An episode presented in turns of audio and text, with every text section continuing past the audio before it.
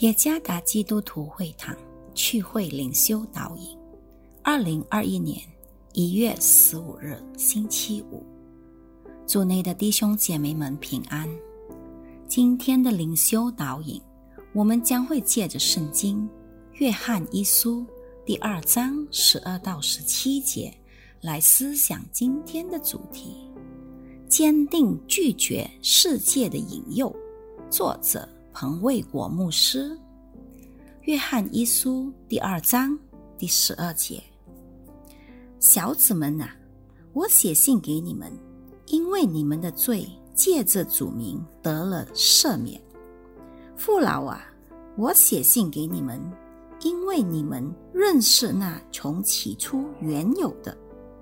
少年人呐，我写信给你们，因为你们胜了那恶者。小子们呐，我曾写信给你们，因为你们认识父。父老啊，我曾写信给你们，因为你们认识那从起初原有的。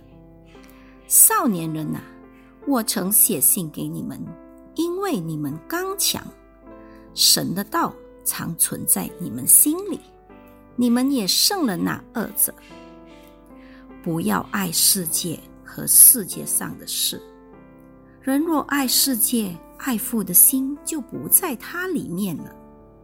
因为凡世界上的事，就像肉体的情欲、眼目的情欲，并今生的骄傲，都不是从父来的，乃是从世界来的。这世界和其上的情欲都要过去。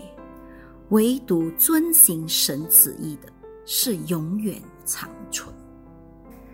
基督教信仰的生命能以各种方式来描述，其中一种的方式就是以属灵的形成，一生跟随耶稣。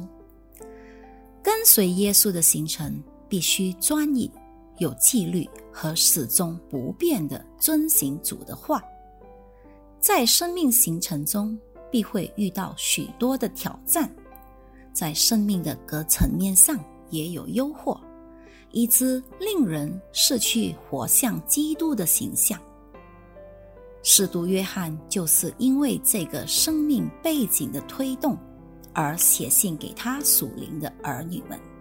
约翰一书第二章十二节，在此，约翰反复的称呼父老啊。少年人呐，小子们呐，他不是以年龄的区别称呼信徒，而是以信徒的信心成长的凌晨为标准。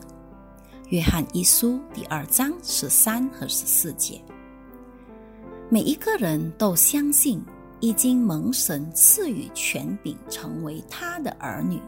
约翰福音第一章十二节。使徒约翰禁止他们爱世界。这里所谓的世界，即是已经堕落或被恶者掌控的生活价值观。这种败坏的世界将会吸引和诱惑每一个人的心，包括上帝的儿女在内。约翰一书第二章十五节。约翰严肃的提醒大家。若贪爱世界，将会导致失去爱神的心。第十五节，信徒将会面对坚定的选择：选择爱世界和世界上的事，还是爱神？世界诱惑我们肉身的欲望。十六节，但这一切是短暂的和即将消失。十七节上，相反的，倘若我们选择爱上帝，并愿意一生遵行他的旨意，十七节，哪一种选择是属正确？当然是要爱神才正确。这对我们的生命乃有永恒的意义。将来我们将与神一同在天堂里。直到永远。请问你是如何选择？无论你是谁，你的信心增长到什么程度，你仍然要警惕世界和他的诱惑。必须要紧紧依赖主的能力和恩典。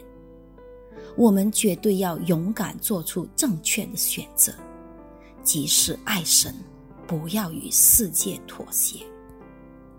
选择爱上帝，并遵行他的旨意，即是最佳的选择。愿上帝赐福于大家。